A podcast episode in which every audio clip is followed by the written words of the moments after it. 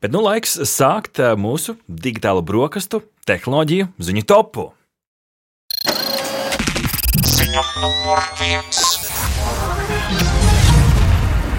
Dārgie draugi, video spēļu cienītāji, vienkārši tie, kuri savā dzīvē kādreiz ir atpazinuši burtus GTA, jeb Grand Theft Auto, pasauli uzsprāga, fani jūsmoja par vienu vienīgu paziņojumu. Nekas jau daudz nav noticis, bet ir iznācis paziņojums, ir reāla laika līnija, tā ir sākusies, jo decembrī iznāks pirmais GTA 6 trailers un tas, tās nav viltu ziņas.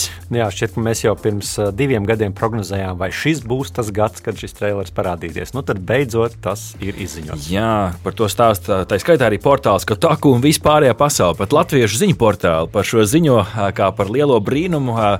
X platformā oficiāli Sems Hausers no Rockstar Games prezidents izziņoja, ka patiešām decembra sākumā redzēsim pirmo traileri, nu, kas varētu liecināt un tādās analīzēs tehnoloģijās vēl ko, tā skaitā skatoties arī to, par ko savulaik ziņoja Bloomberg ziņu aģentūra, tā skaitā arī finanšu rādītājos, tas 24. gada nu, beigu daļa, tas Ziemassvētku laiks varētu būt tas laiks, kad pasaule uz, nu, uz vismaz uz nedēļu apstājās, kad visi izņem slimības lapas un uh, instalē jaunāko GTA daļu, jo, nu, varētu teikt, visu laiku gaidītākā spēle, es atļaušos izteikt šādu, šādu apgalvojumu, desmit gadi ir pagājuši kopš pēdējā pēdējās, pēdējās versijas iznākšanas, kur, protams, pa vidu ir arī online tiešsaistes spēles versija, kas visu laiku ir ienesusi milzīgus ienākumus joprojām šai spēlei, kas parodē nu, amerikāņu popkultūru un patiesībā tās padibenes un zemos, zemos punktus. Un, nu, šeit par GTA 6 esam runājuši jau iepriekš patiesībā, jo tas bija viens no klupšanas akmeņiem un boxa maisiem hakeru uzbrukumā, pēc kura noplūda aptuveni 2019. gada savulaik tādi video ieraksti, kur bija nu, ļoti sliktā kvalitātē, ļoti daudz nepilnībām redzams, kā tad spēle izskatīsies, un tas jau saviļņoja fanu loku tā, ka YouTube var atrast pat veselus video, kur ir izanalizēts pats pēdējais koda gabaliņš, kas uz ekrāna ir parādījies. Un katrā ziņā tas, ko cilvēki ir noskaidrojuši, un ko mēs ticamāk, decembrī ieraudzīsim, ka uh, spēle notiks uh, Miami Miami līdzīgā vidē, līdzīgi kā notika. Vice City. Bet, nu, kas to zina? Tā, tā vismaz būs viena no daļām.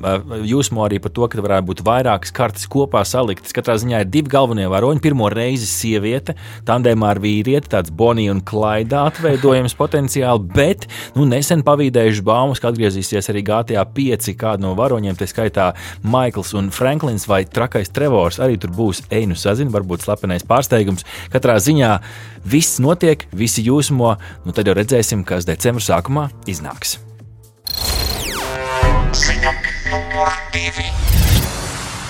Pieminēja ievadā mākslīgo intelektu. Nu šeit ir viena no ziņām par to, jo OpenAI, viena no ledlaužiem mākslīgā intelekta chatbotos ar savu ChatGPT, Pirmkārt, viņi ir sasnieguši 100 miljonus ikdienas lietotāju, ko viņi oficiāli izziņoja savā pirmajā izstrādātāju konferencē, starp kuriem nu, ļoti, ļoti daudzi lietotāji, tā skaitā arī nu, programmatūras līmenī lietotāji, ir no Fortune 500 uzņēmumiem. Tad, nu, pasaules top uzņēmumi izmanto tā skaitā arī šo servisu, un, protams, ir arī citi, citi servisi, gan no Google, gan arī citiem izstrādātājiem.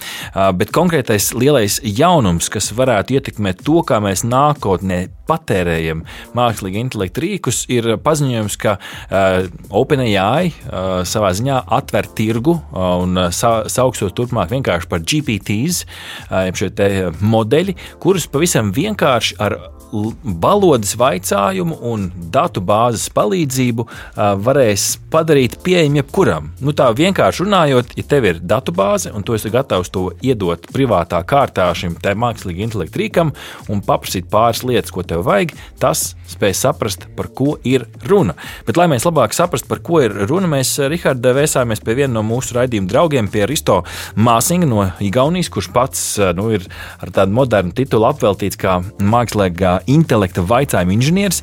Prasījām viņam, nu, lai viņš nedaudz cilvēcīgāk paskaidro, par ko tad ir stāsts, par ko Rihard ir stāsts. Nu jā, tā tad citējot Risto, ar jauno chat GPT iespēju jūs varat izveidot chatbot no jebkuras datu kopas, veicot ļoti mazas darbības, bez nepieciešamības kodēt, kas būtiski.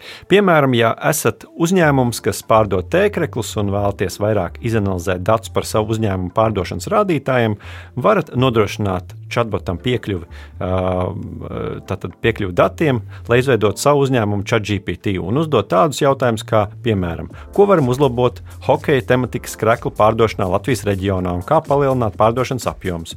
Kāds bija šī gada trešais ceturksnis salīdzinājumā ar iepriekšējo, kurš bija vislabākais pārdevējs vai kurš krekls ir mūsu vislabāk pārdotais un kādi ieteikumi jums ir jaunai T-krekla idejai.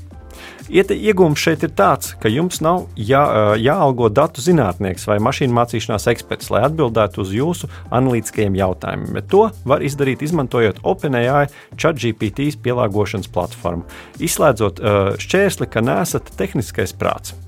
Jā, un šeit tie statistikas dati, ko pieminējām pašā sākumā, tie 100 miljonu aktīvo lietotāju, tas patiešām ir ļoti strauji kāpums, pārspējot gan tādas platformas kā Facebook, Twitter un Instagram savulaik. Uh, tur vienīgi šobrīd sacenšas nu, Metas Threads platforma, kur arī Amerikas pusē šos 100 miljonus sasniedz, bet tur nu, tā svārstīgi. Nu, tā arī redzot ziņu virsrakstus, gribās teikt, ka nu, tas bums ir šeit. Katrs testē, katrs iet līdzi. Eh, man šķiet, ka Rihard, vai varētu pat būt tā, ka ja pēc kāda laika tev nav savs mākslīgā intelekta chatbots, tad tu jau esi nokavējis to vilcienu kas to lai zina. Katrā ziņā visiem tiem, kas nu, teiksim, nodarbojas ar e, e-komerciju, e kur visas šīs lietas ir ļoti aktuālas, ko minēja arī mūsu eksperts Risto, tad, tad es domāju, ka ļoti iespējams, ka tev ir taisnība. Mm -hmm. Ziņa numur 3. Ziņa tepat no mūsu platumgrādiem, diezgan būtiska, ļoti praktiska ar tehnoloģijām varbūt mazāk saistīta, bet tomēr ieviesīs pārmaiņas tajā, ka mēs lietojam savus spēkrats, mūsu tehnoloģiju četrkājainos ripojošos draugus, jo no nākamā gada 1. oktobra ziemas perioda, no 1. decembra līdz 1. martam ar visas zonas riepām, kas marķētas tikai ar apzīmējumu M plus S, aprīkoti automobīļi, kuru, protams, masa nepārsniedz 3,5 tonnas satiksmē, vairs nedrīkstēs piedalīties darboties. Tā ir lēmusi valdība nesenajā sēdē, un nu, satiksmes ministrija, protams, atbild, atbildīgā ministrija par šo nozari vērš uzmanību, ka novērots, ka tirgu parādās riepas ar M plus S apzīmējumu, kurām nav protektorā iestrādāts šīs speciālās ledus, kā tā sauc, lameles, lai riepas varētu novaldīt uz aplidojušu vai slidenu ceļu, kas nu, Latvijas platuma platum grādiem ir ļoti būtiski, mm, kas nozīmē, ka tev, tev šķiet, ka tavs visas zonas riepas praktiski tevi pasargās, bet nu, tā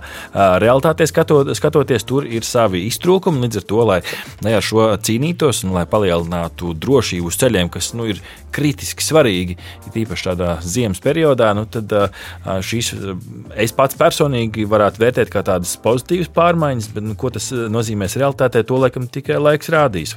Jā, nu tieši tā, bet katrā ziņā jāņem vērā Latvijas geogrāfija. Var gadīties, ka jūs esat no rīta liepājā, kur ir plus 10 grādi, un aizbraucat līdz vidzemes augstienai, un tur varbūt pat mīnus un jau sniedziņš. Tā kā, tāpēc vien noteikti ir, ir jau tagad vērts domāt par riepu maiņu. Un otra lieta, Um, eksperti arī aicina uzstādīt uh, ziemas riepas šobrīd, jo vasaras, vasaras riepas saķeres īpašības strauji samazinās jau pie plus 4 uh, līdz 6 grādiem. Tas uh, pat nav, nav droši pat pie mainīgiem tādiem uh, rudens apstākļiem. Tā kā nav jāgaida pirmais sniegs, lai mainītu riepas. Pietiek ar tām slapjām rudens lapām, lai jau uzmestu krustojumā kādu saulīti. Ziņa numur 4.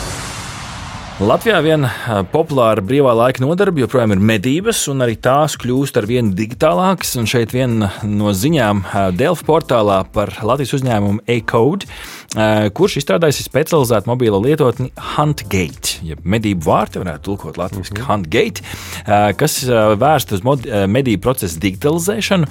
Latvijā radītā lietotne sniedz iespēju medniekiem apkopot un struktūrēt informāciju no meža dzīvnieku kustības monitoringa video kamerām. Tātad ir kameras, kas novēro meža platības, tās piefiksē dzīvniekus, ir dažādi veidi dati. Tas, ko viņi ir novērojuši, tā skaitā arī ārzemēs, kad ļoti daudz patiesībā jau mūsdienās šie sensori, sauksim to tā, kas uztver dzīvniekus, bet nav tāda vienota vieta, kur to visu redzēt, apkopot ērtā veidā. Un tad nāk tālāk šī Hungate lietotne, kas patiesībā jau ir izpelnījusies savu popularitāti un pozitīvas atsauksmes ne tikai Latvijā, bet arī ASV, Austrālijā, Kanādā, Brazīlijā un uh, citvietā. Tā kā nu, digitālais ienāk arī medību laukos. Nu, acīm redzot, acīm redzot. Um, jā, nu, katrā ziņā uh, no tādas pozitīvās puses šo vērtējot, liekas, ka droši vien būtiski uzskaitīt uh, dzīvniekus, un, un uh, iespējams, ka tas var arī uh, nu, likt nepārmedīt. Uh, kā saka, tā tad uh, vienā brīdī pateikt, stop, ka mēs vairāk mm -hmm. nemedījam. kontrolēt tās sezonas. Jā, tieši tā. Bet no otras puses, nu, piemēram, mēs arī esam, manuprāt, par digitālās brokastīs ziņojuši arī par jaunām tehnoloģijām, kas palīdz noteikt precīzi zivju atrašanās vietas. Iemet to lokatoru iekšā. jā, jā, jā. Un, kā uz dēla. Un tad man rodas jautājums, vai ar šādu plašu tehnoloģiju pielietojumu medības makš, makšķerēšana nekļūst par tādu, nu, uh, es nezinu, tā kā kādreiz viduslaikos bija, ka, ja, kā saka, karalis vai muškungs nevarēja pats neko nomedīt, tad to dzīvnieku noķēra, sasēja, un tad viņš varēja, kā saka, to pēdējo dūrienu izdarīt. Vai tas nekļūst nu, teikt, jau pārāk tā? Nu, kā, vienkārši? kā mums vienā no apskatiem, kur mēs savulaik digitālās brokastīs apskatījām tādu viedo binokli, kā toreiz mums nu, viens mednieks arī novērtēja. Nu, jauki, ka tās tehnoloģijas ienāk, bet vienā brīdī tev pazūd vispār tā interese, kāpēc tu dodies medīt. Jo tur tas azarts, tā, tā spēle, tas nezināmais mm. tiek izslēgts. Nu, tad vienā brīdī tas jau pārvēršas vienkārši par gaļas sagādi tad var, procesu, tieši tā, tad var nav... ielaist arī robotu, kurš jā, to izdarīs tavā vietā. Tas, tas, tas, tas vairs nav nepieciešams. Tā kā, nu, būs interesanti arī pavērot, kā tehnoloģijas ietekmē šo. Varbūt vienkārši tā jautrība no tā visa procesa pazūd, kas, protams, labi dzīvnieciņiem, jo viņi beigās skrien brīvi pa saviem medību laukiem. Ziņa numur 5.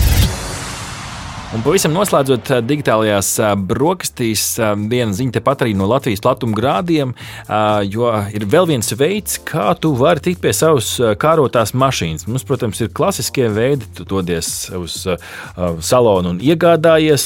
Tev ir dažādi rīki, ko piedāvā bankas, kredīti, leasing un tam līdzīgi. Un šeit ir viens risinājums, kas ir ļoti līdzīgs iepriekš minētajiem, bet kaut kur savā ziņā nedaudz citādāks. Autobrāva sadarbībā ar MyBee radījuši tieši Kupra modelim auto abonēšanas platformu, ko viņi paši salīdzina nedaudz ar Netflix, bet tur, tur tāda atšķirība ir jāpameklē. Platformā tā burtiski nepilnu desmit minūšu laikā klients var iegādāties abonementa veidā automašīnu vai nu no salona vai noliktavas. Un, šī platforma sākumā Latvijā debitē, pēc tam arī būs Baltijas valstīs, un tur ir visi šie Kupra šobrīd aktīvie pieci modeļi arī pieejami. Un, nu, šeit, kas ir interesanti, kur tad ir tā atšķirība? Kāpēc? Kur tā atšķirība, piemēram, no klasiska bankas leasinga? Nu, tā lielākā atšķirība, kā arī mm, skaidroja pārstāvi, ir tajā, ka nu, bankā tev izvērtē tavu kredītu vēsturi un spēju arī paņemt leasingu, tad šeit tā kontrole nav tik liela. Nu, bet tā tīri pavērojot arī mājaslapā pieejamos datus un daudz pakličinoties, cik tad izmaksā šāda viena automašīna uz kaut kādu periodu, tas mans pirmais secinājums bija, ka izskatās kopumā dārgāk. Līdz ar to tā tāda spēle starp pieejamību pieejamību un cenu. Un te, protams, vienā brīdī ieslēdzās arī dažādi mārketinga triki, ka izvēlē, kur tu automašīnu izvēlēsies, tev jāsāk atzīmēt.